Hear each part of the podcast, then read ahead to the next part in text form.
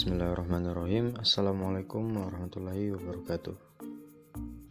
Di sini saya akan menjelaskan perihal hak kekayaan intelektual, baik dari segi esensi hak kekayaan intelektual, sejarah lahirnya hak kekayaan intelektual, perjanjian internasional yang berhubungan dengan hak kekayaan intelektual, dan yang terakhir itu mengenai payung hukum hak kekayaan intelektual yang ada di negara kita Indonesia.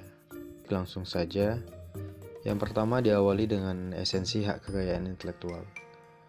Menurut Marzuki, hak kekayaan intelektual itu adalah suatu hak yang timbul dari karya intelektual seseorang yang mendatangkan keuntungan material.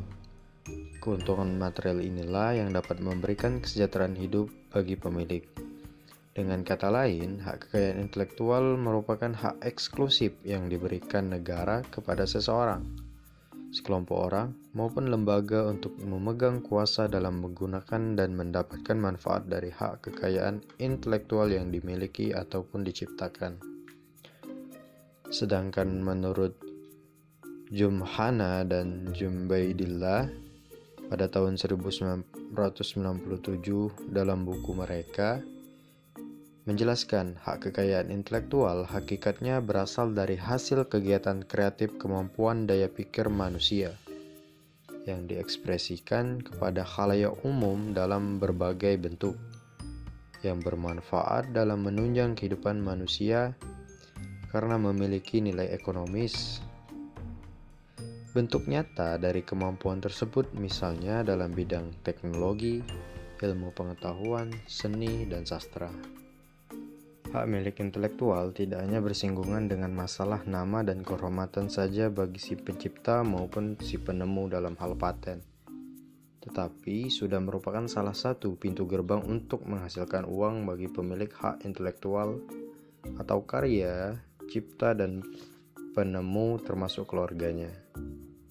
Kemudian kita beralih ke sejarah dari hak kekayaan intelektual. Sejarah diawali dari abad kuno, hak cipta belum dikenal oleh masyarakat. Karya cipta dianggap sebagai hal biasa yang eksistensinya tidak perlu dilindungi oleh peraturan perundang-undangan, karena mereka beranggapan bahwa hak cipta tidak memiliki arti yang strategis dalam kehidupan manusia seperti rumah, tanah, atau benda lainnya. Benda nyata dengan benda tak nyata yang merupakan produk kreasi intelektualitas manusia. Istilah immaterialis agendum inilah yang sekarang disebut dengan hak milik intelektual atau bisa juga hak atas kekayaan intelektual atau hak kekayaan intelektual atau intellectual property right.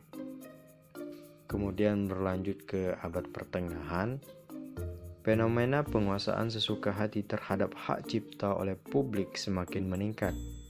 Karena waktu itu, orang dapat dengan sesuka hatinya memperbanyak ciptaan orang lain dengan memperjualbelikannya. Sehingga fenomena itu melahirkan teori tentang hak milik percetakan. Jadi, pada masa ini, karya cipta manusia itu masih dianggap sebagai pengejauhan tahan dari ciptaan Tuhan, sehingga kehadirannya di tengah-tengah masyarakat dianggap sebagai karya cipta yang tidak bertuan atau anonim. Kemudian terakhir itu pada masa keistimewaan. Nah, pada masa ini terdapat dengan kata lainnya juga dipanggil dengan era privilege ini di mana dimulai sejak ditemukannya cetakan buku di Gardenberg, Jerman sekitar tahun 1445 dan Kupfertisch serta seni pahat kayu. Nah, dari sini muncul teori tentang larangan untuk mencetak ulang suatu buku kecuali diperolehnya privilege ini tadi atau juga berarti sebuah izin untuk melakukan cetak ulang. Pemberian privilege pada prinsipnya dimaksudkan untuk memerangi kejahatan pembajakan buku yang biasa dilakukan dengan cara mencetak ulang buku tersebut dalam jumlah yang besar dan secara ilegal. Privilege pertama kali diberikan di kota Venesia, Italia kepada Johann von Speyer pada tahun 1469 untuk jangka waktu lima tahun.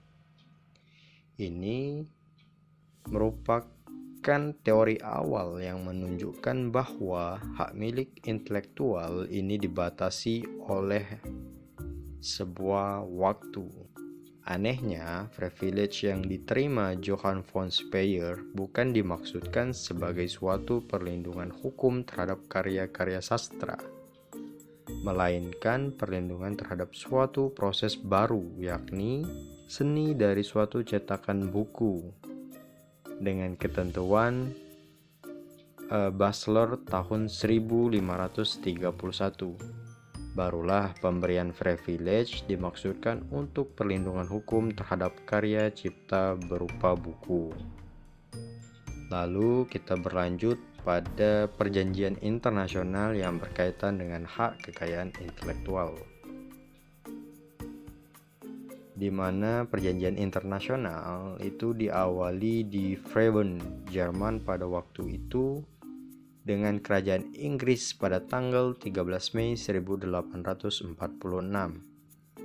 dan pada 14 Juni 1855 pada tingkat perjanjian multilateral atau perjanjian antara dua negara atau lebih pada tanggal 20 Maret 1883 telah ditandatangani Konvensi Paris tentang perlindungan hak milik perindustrian atau Paris Convention for the Protection of Industrial Property dan pada tanggal 9 September 1886 disepakati sebuah perjanjian internasional tentang perlindungan terhadap karya kesusastraan dan seni atau bahasa asingnya yaitu di Berne Convention on the Protection of Literary and Artistic Works.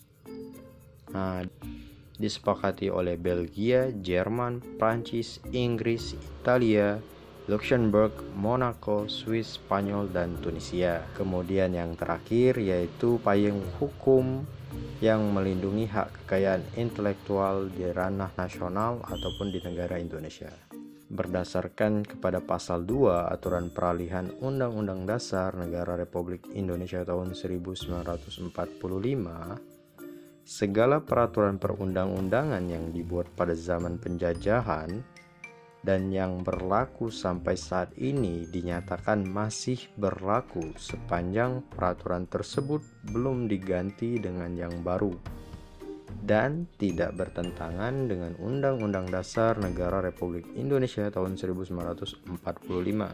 Hal ini kemudian ditegaskan secara khusus oleh keputusan pemerintah tanggal 10 Oktober 1945.